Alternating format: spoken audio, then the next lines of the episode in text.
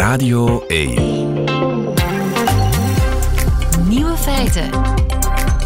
Met Lieven van den Houten. Dag en welkom bij de podcast van Nieuwe Feiten, geïnspireerd op de uitzending van maandag 16 januari 2023.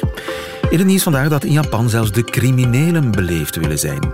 Een 22-jarige student stapte in oktober een taxi in en beroofde de chauffeur van 250 euro. De student werd opgepakt en moest voor de rechter komen. En daar bekende hij meteen dat hij inderdaad de taxichauffeur beroofd had. Maar niet dat hij geroepen heeft: uw geld of uw leven. Nee, hij heeft het vriendelijk gevraagd. Kunt u mij uw geld geven? 250 euro is genoeg. Een slinkse manier om zichzelf uit de overval te praten? Nee, want dat hij de chauffeur heeft overvallen spreekt hij niet tegen. Maar hij wil het formeel geacteerd hebben dat hij niet onbeleefd was. Kijk, dat is nu Japan. De andere nieuwe feiten vandaag. Vrijdag wordt onze koningin 50. Vandaag stellen we haar rapport op samen met Jo de Poorter, die over haar een boek heeft geschreven. De meest bezochte pagina op Wikipedia in 2022 is een grote verrassing. En in Groot-Brittannië is een conservatief parlementslid geschorst wegens antisemitische uitspraken. De nieuwe feiten van Grof Geschut die hoort u in hun middagjournaal. Veel plezier. Nieuwe feiten.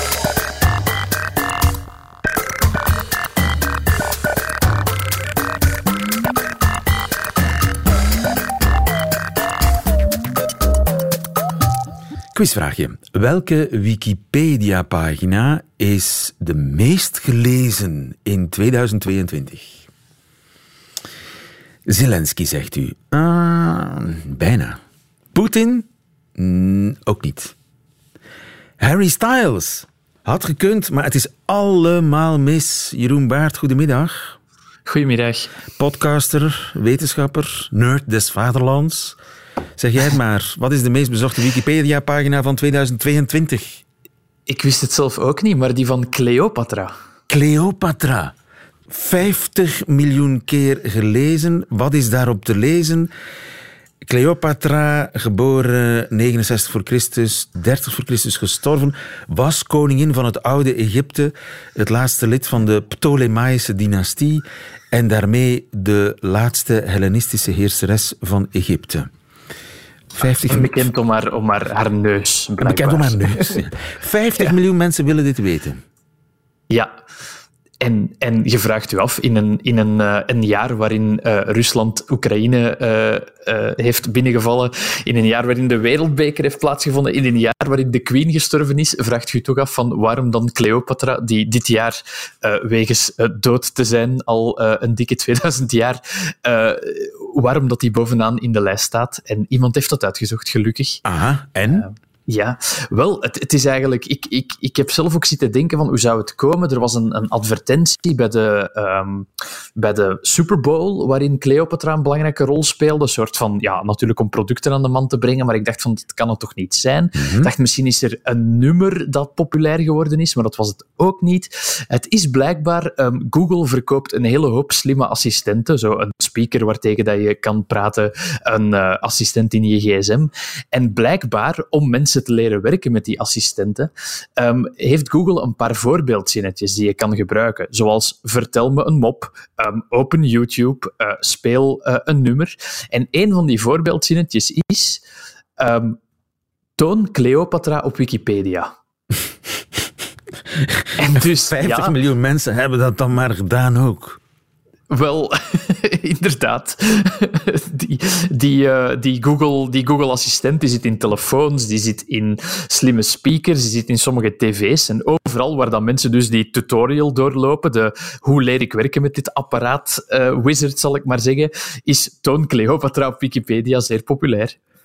Dus zo onnozel kan het zijn. Zo onnozel. Ja, maar het, het is wel een aanduiding van, van een, een, een groter belang van ja, iemand bij Google heeft beslist van dit lijkt leuk voor een, een tutorial, maar heel vaak um, suggesties die je met een product kan doen of dingen die meer naar boven in een, in een zoekresultaat getoond worden, um, ja, je, je vormt wel ergens mee waar dat de mensen mee bezig zijn. En dit is maar een klein, redelijk onschuldig voorbeeld van hoe een design beslissing en eigenlijk een user experience beslissing impact kan hebben op ja, waar de wereld mee bezig is. Um, ik denk dat er dit jaar veel mensen iets hebben bijgeleerd over Cleopatra, gewoon omdat er iemand in het Google-team beslist heeft van ja, wat zou een leuk, uh, een leuk probeerseltje zijn voor deze speaker. Ja, maar dat zegt iets over de betrouwbaarheid van dat soort gegevens, hè? want die worden vaak gebruikt om te zeggen, maar, hey, zo populair. Tuurlijk. Ja, zie je zo populair Tuurlijk. Cleopatra is. Tuurlijk, zoals alles op het internet. Hè. Populaire tv-reeksen krijgen ook een, een monsterscore van de fans van die reeksen. Um, ja, de, de kracht van het getal, zeker online, is, is heel groot. Hè. Um, heel vaak zijn er ook bepaalde trends die op TikTok of op Instagram uh, opeens opleven. Of bepaalde nummers. Ik denk aan Kate Bush vorig jaar met haar nummer Running Up That Hill, is het zeker, in Stranger Things 2. Ja, dat is ook zo een cultureel fenomeen dat opeens um, ja, pijlsnel de hoogte inschiet. Um, ja, het, de kracht van het internet is niet, uh, niet te ontkennen. Ja, en die cijfers, dat, je moet het altijd heel erg relativeren. Daar wordt soms mee, mee, gemanipuleerd, al dan niet bedoeld. Maar diezelfde data worden, uh, die zoekopdrachten bijvoorbeeld, die, die worden ook gebruikt om trends te analyseren, zelfs voorspellingen te doen. Hè? Natuurlijk, ja, ja absoluut. Uh, heel veel van de financiële markt uh, zit constant zoekresultaten op het internet in de gaten te houden om te kijken wat het volgende next best thing wordt. Want als je weet wat het next best thing wordt, kan je daar vroeg op investeren. Dat is, dat is een, een hele tak uh, van de economie waar ik me niet mee bezig hou. Maar ja, zeker, absoluut. Ah ja, dus er wordt veel geïnvesteerd in Cleopatra-dingen binnenkort. dat wel, zou, best, zou, zou best kunnen. Cleopatra speelgoed zijn mensen iets verder lezen, de verklaring lezen natuurlijk. Maar misschien, misschien zijn er wel mensen bezig met uh, Google te paaien om de volgende zoekopdracht te worden die, uh, die in zo'n assistent zit natuurlijk. Al moet ik daar wel zeggen dat Google daar waarschijnlijk wel voor iets neutraal gaat kiezen en niet gaat zeggen dat gaat wat geld is de Wikipedia-pagina van Mercedes. ja, dat gaat geld dat, kosten. Uh, dat, dat gaat geld kosten. Maar ja, zeg nooit nooit natuurlijk. Het zijn ook gewikste adverteerders. Ja, en nu dat ik eraan denk, er zijn zelfs mensen die pandemieën voorspellen. Hè? Dat, je, dat je voorspelt de, de coronapandemie zal daar weer toeslaan, want daar wordt enorm veel gezocht op die en die symptomen. Er is, een, er is vorig jaar een, een soort van onderzoek geweest dat zei van als mensen bij geurkaarsen op Amazon zeiden van ik ruik het niet of deze kaars heeft niet zoveel geur, die um, commentaar of die negatieve reviews waren te correleren met uh, opstoten in uh, de coronapandemie. Omdat er meer mensen zeiden van ja, ik ruik deze kaars niet. En ja, een, een verlies of een verslechtering van de reukzin was een van de symptomen van corona. Nu, in hoeverre is dat oorzaak en gevolg? Uh, dat, dat is nog maar, uh, nog maar de vraag natuurlijk. Maar ja, je kan veel afleiden, absoluut. Ja, maar je moet toch voorzichtig zijn met het uh, ja, baseren van conclusies op zoekresultaten. Blijkt uit dit, deze case over Cleopatra, of Cleopatra, zoals sommige mensen zeggen. Jeroen Baert, dankjewel. Goedemiddag. Goedemiddag.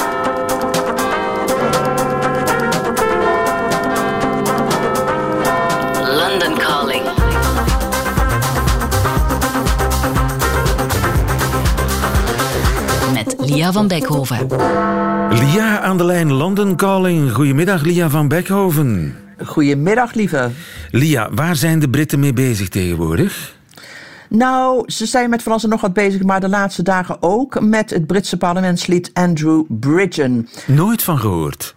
Nooit van gehoord. Nee, de meeste Britten ook niet. Hoewel het niet aan hem ligt hoor. Hij doet ontzettend zijn best om in de media te komen en te blijven. Hij is ook een van de meest kleurrijke Kamerleden die er zijn. Niet, uh, laten we zeggen, met een gigantisch uh, intellect. Um, maar hij is nu in het nieuws omdat hij geschorst is vanwege een hele controversiële uitspraak op Twitter. Uh, overal kun je die horen en zien en beluisteren en overlezen. Onder andere in een politieke podcast van The Times. As one consultant cardiologist said to me, this is the biggest crime against humanity since the Holocaust. And by this he means the COVID vaccines. Oké, dus zoals een cardioloog mij verteld heeft, het COVID-vaccin is de grootste misdaad tegen de mensheid sinds de Holocaust. Ik kan me voorstellen dat zo'n uitspraak wel uh, enige deining veroorzaakt in de Britse politiek. Dat deed het zeker. Uh, onder meer bij de voormalige minister van Volksgezondheid met Hancock. He, de man uh, Juist, ja. over wie we het vorige keer nog hadden. Weet je wel, toen die um, uh, in een jungle in Australië zat voor een ja, spelletjesprogramma. Ja, maar diezelfde man is nu weer terug en laat weer van zich horen. En was furieus in het parlement. En hij eiste meteen een veroordeling van de premier. Does the prime minister agree with me that the disgusting anti-Semitic anti vax conspiracy theories that have been promulgated online this morning are not only deeply offensive but anti scientific and have no place in this house ja. or in our wider society. Ja, ja, ja. Vraag aan de premier. Bent u ermee eens dat uh, dit soort uh, antisemitische en antivax-complotten geen plaats hebben in het parlement en in de maatschappij? En ja, ja, ja, ja. Dus veel, veel applaus daarvoor. Ja, en zo'n vraag aan de premier, wat denk je dat hij dan zei? Sunak kon het natuurlijk alleen maar beamen. It is utterly unacceptable to make linkages and use language like that, and I'm determined that the scourge of anti-Semitism is eradicated. Oké, okay, de, de bron van antisemitisme moet uitgeroeid worden, zegt de premier. Ja, en daarom werd dus Andrew Bridgen geschorst. Hè? Niet zozeer vanwege uh, zijn sympathie met anti-vaxxers, maar vanwege de vergelijkingen die hij trok met de Holocaust. En dat is echt merkwaardig dat zo'n man als Bridgen het deed. Want als er iemand was die beter had moeten weten, dan was dat dezelfde Bridgen. Hij is namelijk ook lid van de Vaste Kamercommissie die waakt op antisemitisme. Nee. Nou, ja, eh, merkwaardig. Maar de Britse pers, die, daar was hij misschien even vergeten.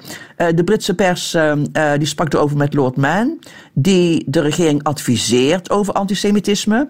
En die man zei in niet te misverstaande bewoordingen wat de Tories moeten doen met dit parlementslid. He should not be a candidate for the Conservative Party at the next election. They should get rid of him. Oké, okay, hij moet weg. Geen kandidaat meer bij de volgende verkiezingen. En hoe reageert hij daar zelf op?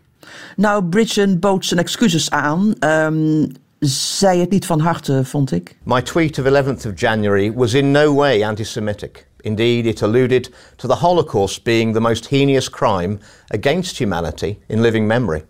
Of course, if anyone is genuinely offended by my use of such imagery, then I apologize for any offence caused. Oké, dus dat soort excuses. Als ik iemand ja. uh, heb pijn gedaan, dan mijn excuses. Weinig oprecht, hè? Al ja. zegt hij van wel. Ja, als jij vindt dat ik te ver gegaan ben, dan spijt me dat. het ligt weer bij de ander. Dit is echt.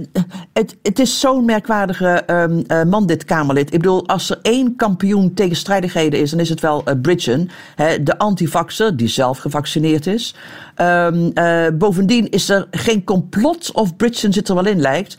Ik heb even zijn dossier doorgenomen en hij heeft iedere regeringsleider waar hij onder diende uh, sinds 2010 geprobeerd te wippen. Vorig jaar vond een rechter bovendien dat hij gelogen had in een totaal andere zaak uh, die te maken heeft met zijn familiebedrijf. Hij had gelogen onder Ede in een rechtbank. Um, voordat hij geschorst werd, stond hij al op non-actief, omdat hij in het parlement de regels voor het betaalde lobbyen gebroken had. Nou. Dus Bridgen is, ja, wat zal ik zeggen, hij is niet iemand die ruzies vermijdt, weet je wel. Maar hij is juist iemand die de straat oversteekt om, uh, om, om mee te doen. Um, uh, en als je het met hem oneens bent, nou dan weet je dat. Dan praat hij gewoon niet met je. Zoals een uh, presentator van de BBC overkwam tijdens een rechtstreekse tv-uitzending. I'm going to talk to your colleague now, uh, James Cleverly. He's a Conservative MP. He's a vice chair of the Conservative Party. I gather that you don't necessarily want to talk to each other. So if you need to go, no, Mr. I know, are you happy to? I'll, I'll, I'll, go. That's fine. Okay, all right. Mr. Cleverly, do, do, do join us. Good morning to you. Oké, okay, als je hem erbij haalt, dan vertrek ik. Oh, dat is prima, zegt de journalist. Hup, en hij weg.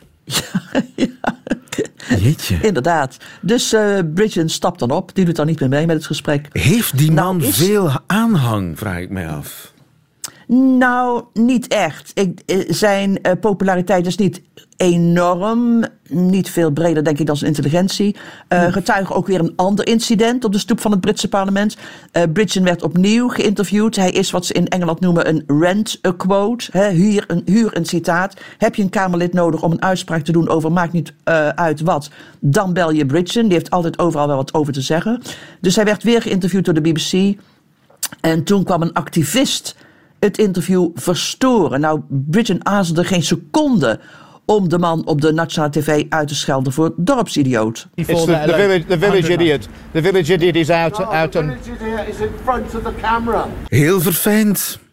Maar hij is dus geschorst nu. Ja, en voor onbepaalde tijd. Of, eh, zoals ze het op zijn Engels zeggen, ze hebben de whip van hem afgenomen. De whip, dat is toch de En, zweep? De whip. De whip.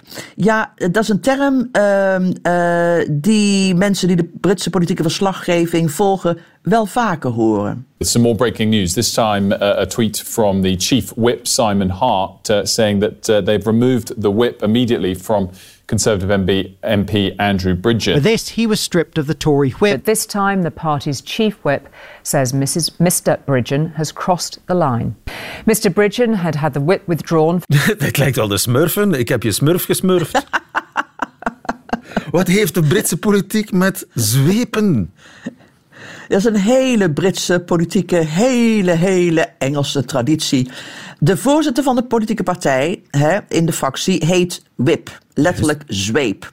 Dus zijn of haar taak, dat ligt voor de hand, is de Kamerleden in het gereel houden. Dus daar gaat dan de zweep over, eh, zij het eh, eh, tegenwoordig figuurlijk. Dus als je de whip verliest van de partij, zoals nu het geval is met Andrew Bridgen, dan betekent dat dat je niet langer namens de partij in de Kamer zit. Nou is Bridgen dus geschorst en hij mag na schorsing weer terugkeren naar de partij. Maar of ze nog willen is een tweede. Maar de term whip of zweep is echt heel veel gebruikt hier. Is echt een, eh, eh, een parlementaire uitdrukking. Als er bijvoorbeeld liever gestemd wordt, is de eerste vraag van Kamerleden: eh, Oké, ik heb een bericht ontvangen, ik moet gaan stemmen. Maar hoeveel strepen staan eronder? How many whips? Staat er maar één lijn onder, is het maar één keer onderstreept, is het, dan is het één whip. En dat betekent dat je thuis kunt blijven. Maar is het een three-line whip? Dus met drie strepen eronder, dan wordt verwacht dat je komt opdagen om te stemmen. En zo niet, dan gaan er koppen rollen. Wij denken altijd, het is een heel beschaafd land, een heel eh stoïcijns land, ingehouden, rustig, kalm. Maar never a dull moment. Never a dull moment, eh, inderdaad. eh, veel dramatiek en ook eh, met zo'n wip erbij kan het nog behoorlijk pijnlijk aflopen. Dankjewel, Lia van Beckhoven, en tot volgende keer. Feiten. Gefeliciteerd majesteit met uw 50ste verjaardag. Deze week, vrijdag, wordt ze 50, koningin Mathilde. En ze zit inmiddels ook 10 jaar op de troon. Tijd voor een rapport. Jode Poorter, goedemiddag. Goedemiddag. Koningshuiskenner. En tijd voor een boek ook natuurlijk. Tijd voor, het is altijd, laten we dat zeggen, het is altijd tijd voor een boek. Zeker als mijn naam op, erop staat en zeker in combinatie met de majesteit, die pas van de zomer op 21 juli eh, tien jaar op de troon zit. Want in 2013 eh, werd, eh, heeft Filip de zaak overgenomen van zijn vader. De macht van Mathilde, zo heet jouw boek. Het gaat over koningin Mathilde, maar het gaat ook over haar illustere voorgangers. Ja. En would-be voorgangers. En would-be voorgangers. Er zijn zes officiële voorgangers geweest, maar talloze eh, andere dames die de plaats even hebben ingenomen, tijdelijk hebben ingenomen, bijna hebben ingenomen, heel graag hadden ingenomen. En dat zijn eigenlijk de, de, de spannendste verhalen uit het boek. Ruim 23 jaar geleden maakten de Belgen kennis met hun toekomstige koningin. Ja. Zij werd plotseling van niemand, werd zij prinses Mathilde. En eh, ik heb een fragmentje gevonden van een interview waarbij ze terugblikt op die periode, want de geruchten waren in de krant gekomen dat een zekere Mathilde Dutkem d'Acos de verloofde zou worden van eh, prins Filip. De naam stond in de krant, maar niemand had nog een foto. En Mathilde probeert van de laatste dagen van haar anonimiteit te genieten. Les bruits ont commencé sur, euh, sur moi le vendredi, donc euh, trois jours avant euh, la présentation euh, officielle. Mais euh, personne n'avait encore euh, vraiment une photo ou quelque chose. Donc moi, euh, sentant que je ne pouvais pas rester dans les lieux où on pourrait m'identifier, eh bien, vous connaissez mon amour pour les livres. Donc je me suis mise dans une librairie. J'entendais euh, le journal parler à la radio dans la librairie qu'on parlait des fiançailles éventuelles du prince Philippe. Et moi, je lisais. Et en fait, je me disais en moi-même, je suis en train de, de pouvoir euh, euh, euh, voilà, profiter de mes derniers moments d'anonymat. Les gens, je regardais les gens autour de moi, je me dis, oh, voilà. Puis j'entendais les remarques et, et j'ai trouvé ça absolument unique. Je crois que tu ne te rendais pas compte à l'époque. hein.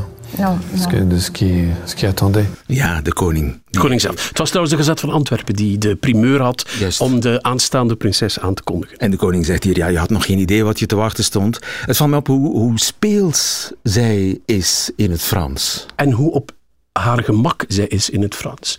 En dat is natuurlijk eh, zeer begrijpelijk, omdat ze in eh, het Frans in Wallonië is opgevoed. Ze is naar alleen maar uitsluitend Franstalige scholen geweest. Er, is altijd wel, er, er hing altijd wel een soort klein denkbeeldig kroontje over haar hoofd. Want als je kijkt, ik heb in dat leven gestort, in haar leven de afgelopen maanden, en dan ontdek je dat er altijd wel een schim van de koningin aanwezig was, ook toen ze nog een klein, een klein meisje was. Hoezo? Ja, ze deed allemaal. Ze was, ze, ontzettend eh, bezorgd over het feit dat ze maar gemiddelde cijfers voor Nederlands had op de middelbare school in Brussel.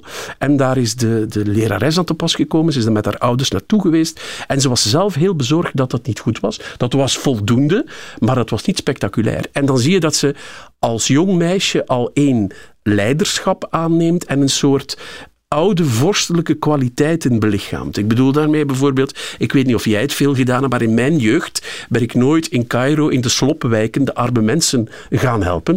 Ik was druk bezig met mezelf te helpen, dus ik had geen tijd voor de arme mensen in Cairo. Maar dat soort koninklijke taken, liefdadigheid, zorg voor de ander, had ze al van eh, jongs af aan. En ze was de, de oudste van een gezin van bijna allemaal zussen. En daar was zij de, de beetje de vervangmoeder van, die zich over al die anderen ontfermde, al van heel jonge leeftijd. Ze komt echt uit een koninginnenfabriek. Zo lijkt het wel, een, prinsessenfabriek. Het profiel wat ze had was, was, was ondenkbaar. West-Vlaamse vader. West-Vlaams, eh, Vlaamse oorsprong, eh, opgegroeid in Wallonië en naar school geweest in, in Brussel. En hele oude adel. En hele, hele oude adel. Haar grootmoeder aan eh, moederszijde was een Poolse prinses. Helemaal, zoals moest, is ook in een kasteel opgevoed door een, met, met een gouvernante en zo. Er waren geen ongelimiteerde budgetten, maar het zag er van de buitenkant allemaal zeer koninklijk uit. Er waren geen ongelimiteerde budgetten. Nee, dat is een eufemisme.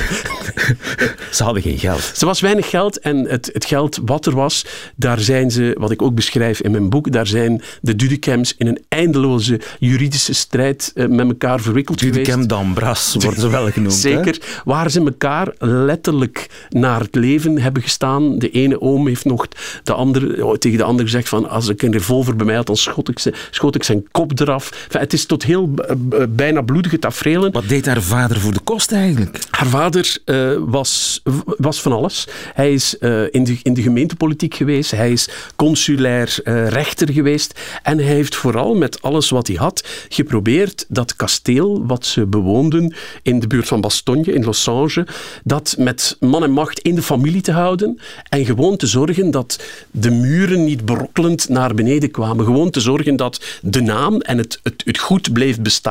Ja. En allerlei zaakjes gedaan. En hij- er is ook een, het- hij, was niet gespeend van een gevoel voor humor. Want de, de plaats waar het is, is Los Angeles. En had hij een, een baancafé daar eh, eh, opgericht in de buurt. En dat, dat noemde hij dan Los Angeles. Los Angeles. Dus het was niet, niet zo eens een, een, een ongrappige Hij was ook man. een soort cafébaas. Hij was van alles. Hij heeft eh 13 stielen, 12 ongelukken. Of omgekeerd, ik weet niet hoe die En uitdrukking klopt gaat. het dat haar moeder eigenlijk een soort vluchtelingendochter was?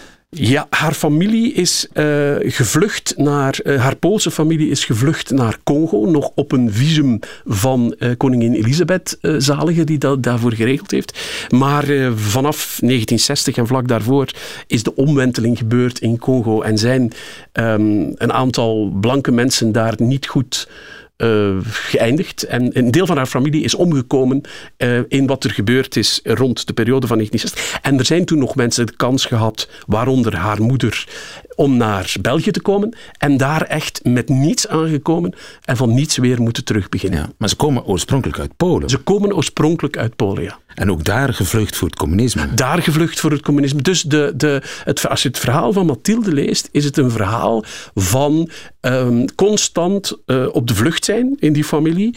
eh, met de zorg van je leven en je hebben en houden achterlaten. Survivors. Survivors. Het is een, zo noem ik hen ook in mijn boek. Het is een, een geslacht van vechters en van overlevers. En dat zie je bij haar Aan ook. beide kanten. Aan beide kanten. En maar bij haar zie je vooral die ongelooflijke drang om in leven te houden en te behouden wat er bestaat. Zou je niet zeggen als je dat poezelige stemmetje hoort? Nee. Maar met dat poezelige stemmetje, ja, daar, daar, daar hou je het natuurlijk niet tien jaar mee vol als vorstin en vijftig jaar in dit leven op de hoogste positie in dit land die je door huwelijk kan bereiken. Dat komt niet van in een hoekje te zitten en stil te zijn. Ze heeft elleboogjes, klauwtjes? Wel, ze heeft een zeer... Uh, ze heeft een zeer uh, in, in haar omgeving heb ik heel vaak gehoord, een aantal dingen, dat ze een heel ijzeren wil heeft en een zeer vaststaand idee van hoe een vorstin en een koningshuis er in de 21ste eeuw uh, moet uitzien. Ze heeft voor een stuk haar eigen man op dat model geboetseerd. Ze heeft zichzelf op dat model geboetseerd. En meer en belangrijker dan dat, ze heeft die vier kinderen daarop geboetseerd. Met het eerste kind in rang en de troon op. Ze is echt de coach van Laken. De, zij, is de zij is echt de coach van Laken. Dat is ook iets wat... Ze is ook psycholoog. Ze is psycholoog en dat is ook iets wat als je het aan koning Filip vraagt, wat haar grootste kwaliteit is, dan benoemt hij dat ook telkens keer op keer. Dat zij ongelooflijk in staat is om mensen in hun kracht te brengen. Om te zien wat zijn de kwaliteiten van iemand en hoe kunnen we dat... Dat is, dat is eigenlijk het principe van coaching. Ik doe dat ook. Dat is het principe van coaching. En wat, wat zij goed gedaan... Je zou een goede koningin zijn eigenlijk. dat wordt jouw volgende boek, Mijn leven als koningin. Ja, um, maar Um, dat, dat, doet ze heel goed. En je ziet dat in de cijfers, in de populariteitscijfers, toen ze uh, verloofd waren en toen ze in het begin van haar aantreden zag je dat hij populairder werd. Natuurlijk, met een mooie, aantrekkelijke, blonde, charmante vrouw naast jou. Begrijpelijk. Maar dat niet alleen de populariteit, maar ook de perceptie van zijn bekwaamheid veranderde door haar. Dus mensen vonden niet alleen hij is leuk. Nee, ze vonden ineens hij zal het kunnen. En dat is een belangrijke omschakeling waar zij voor verantwoordelijk is geweest. Zou hij zonder haar ooit koning zijn geworden? Ja, maar niet met dit succes. Is het toeval dat ze elkaar hebben leren kennen? Uh, nee. Absoluut niet. Waar hebben ze elkaar leren kennen? In de zin van dat um, als je een, een vrouw bent, een meisje dat opgroeit in België, dan, en je komt uit die uh, omgeving, dan ken je de koninklijke familie en weet wie de kroonprins is. Dus dan als je op een bepaalde gelegenheid komt, dan kan je verwachten dat hij daar is of niet. Dus uh, van, oh, toevallig daar... Ik, ik citeer een, een politicus in mijn boek... Um, die zei dat, dat één ding, dat, dat we daar zeker over zijn, dat ze elkaar niet in de discotheek hebben ontmoet. Het was niet in de Fuse. nee, dat was het niet. Maar natuurlijk, eh, zij kende het koningshuis, zij zat in een adellijke familie. Uh, hoe ze elkaar uh, leren kennen hebben, daar zijn diverse versies over. Maar wat zeker is, is dat het geen ondoordacht besluit is om samen een eenheid te vormen. En dat blijkt nu zoveel jaar later een wijs besluit geweest te zijn. Je schrijft ook, zij heeft, haar macht is een veelvoud van haar voorgangers. Ja. Dat is nogal straf. Nee, dat is, dat is wat het is. En dat komt door twee uh, bepaalde redenen. Eén, dat ze door haar echtgenoot in de gelegenheid geplaatst wordt om die die positie helemaal in te nemen. Um, zij heeft heel veel invloed op hem. Meer dan Fabiola op Boudewijn? Veel meer, omdat hij haar die positie één veel meer geeft. En zij heeft natuurlijk een geweldige dynastieke voorsprong op Fabiola. Zij is de voortbrengster van vier troonopvolgers, die zij naar haar eigen beeld gevormd heeft. En dat is in een koningshuis een ongelooflijk belangrijke waarde dat je het geslacht verder zet. En dat was iets wat jammer genoeg uh, bij uh, koningin Fabiola niet mogelijk was. En als je dan haar vergelijkt met haar directe voorgangster, koningin Paula, die had daar veel minder belangstelling voor. Tijd voor een rapport, zei ik daarnet. Wat is de eindscore? De eindscore is dat ze de beste is uit de rij van haar voorgangsters. En als je kijkt, uh, je moet, bedoelt punten op iets. Bijvoorbeeld? dan een rapport? Een rapport. toch wel een, een, zeker een 8 op 10. 8 op 10. Ik Ja. had meer verwacht. Je had meer verwacht. je- wat, wat scheelt? Wat kan er beter? Ehm, wat er beter kan. Ehm, het, het, kijk, ze maakt geen enkele fout. Je kan Is dat een fout? Wel, dat is geen fout. Maar daar mis je vaak de kans op legende. Of op grootsheid. Als je kijkt naar de koninginnen in de geschiedenis. Ik noem Elisabeth van het Verenigd Koninkrijk. Maar ik noem bijvoorbeeld ook ehm, koningin Wilhelmina van Nederland. Ze is te perfect. Ze is heel perfect. En ik zou wel eens willen zien hoe ze in een crisis geraakt en dan als een phoenix uit haar as herrijst. Het Koningin Wilhelmina was nooit de legende geweest als er niet de Tweede Wereldoorlog was en als ze niet gedaan wat ze gedaan heeft in de Tweede Wereldoorlog. Dus je hebt een bepaalde mannen en vrouwen die na een uitdaging grootser worden dan ze daarvoor waren. En in het Belgisch Vorstenhuis wordt er alles zorgvuldig gedaan om ieder risico te vermijden. Juist, Wat er... Vandaar dat we de echte Mathilde, de vrouw, de mens Mathilde, eigenlijk nog niet te zien hebben gekregen. Eh, ik heb daar, wat we wel te zien hebben gekregen, is de Mathilde die ze wil zijn. En op zich is dat al een verdienste dat je, dat je die kan laten zien. Maar de onbewaakte, de verraste, de. Ik denk niet dat we die al te zien hebben gekregen. Kan nog komen. De Macht van Mathilde is een boek van Jo de Poorter en de verjaardag van uh, Haar Majesteit is vrijdag. Dankjewel Jo. Goedemiddag. Goedemiddag. Nieuwe feiten. Radio 1. En dat waren ze meteen de nieuwe feiten van 16 januari 2023. Alleen nog die van het cabaretduo Grof Geschut. Die krijgt u nu in hun middagjournaal. Nieuwe feiten. Middagjournaal. Beste luisteraar, daar zijn we weer. Die twee exen die na hun breuk gewoon door één deur kunnen zonder dat dat moeilijk of verwarrend is. Vorige week hoorden we relatiebemiddelaar Rika hier bij Nieuwe Feiten een vraag beantwoorden die wel heel erg lijkt op onze situatie. Een man vroeg haar wat hij in godsnaam moest doen met zijn vriendin, die contact blijft houden met haar ex. En één specifiek probleem blijft ons vooral bij. Ze deden namelijk nog Relatiedingen. Elkaars kleren kiezen, Samen uit eten gaan, elkaar vergezellen op sociale events als de nieuwe partner moest werken, elkaar zinnen. aanvullen, Kortom, duidelijk. een brug te ver. Oké, nu is het wel helder. Duidelijk. Sorry.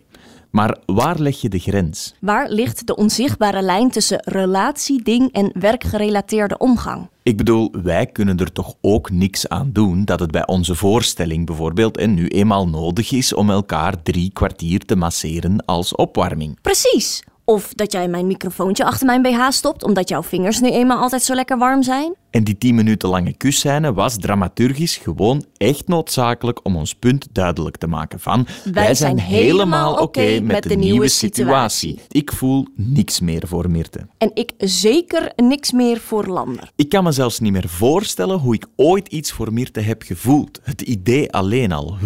Oké. Te ver? Ja, ja, toch wel. Hé, maar ik hou van u, hè? Ja, dat weet ik ook wel. Voilà, zie, totaal gezonde verstandhouding. Sterker nog, lieve luisteraar, je kan ook contact houden met meerdere exen. Daar ben ik het levende bewijs van. Dit weekend bijvoorbeeld kwamen er na de voorstelling twee mensen naar me toe die ik ergens achter in mijn hoofd vaag herinnerde. Bleek het de nonkel en de tante van haar ex te zijn. Maar dus niet van Lander. Nee, van de ex voor mij. En ze gingen me helemaal knuffelen en zo. Oh, Meerte. Mega blij om mij nog eens te zien. Ja, en dat vind ik dus een beetje erover. Ay, daar heb ik dan zoiets van, nee, kan echt niet. Wat geweest is, is geweest. Echt, serieus, laat het los of zo, toch? Nou, ging hij daar helemaal een punt van maken in de auto naar huis. Alleen Miert, je moet uw ex toch loslaten? Mega ongemakkelijk voor mij dat ik daar dan zo wat bij stond als de nieuwe ex. Dus wij zijn het gesprek aangegaan. En haar nieuwe vriend Jonathan is het daar ook mee eens trouwens, denk ik. Wij zijn overeengekomen dat ze met de familie van de ex voor mij geen contact meer heeft. Dan hou ik netjes rekening met Lander zijn gevoelens. Dankjewel Rika voor de tip. Tot morgen.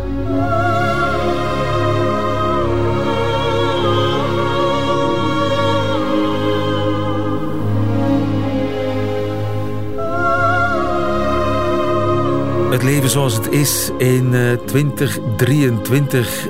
Einde van deze podcast. Hoort u liever de volledige nieuwe feiten met de muziek erbij?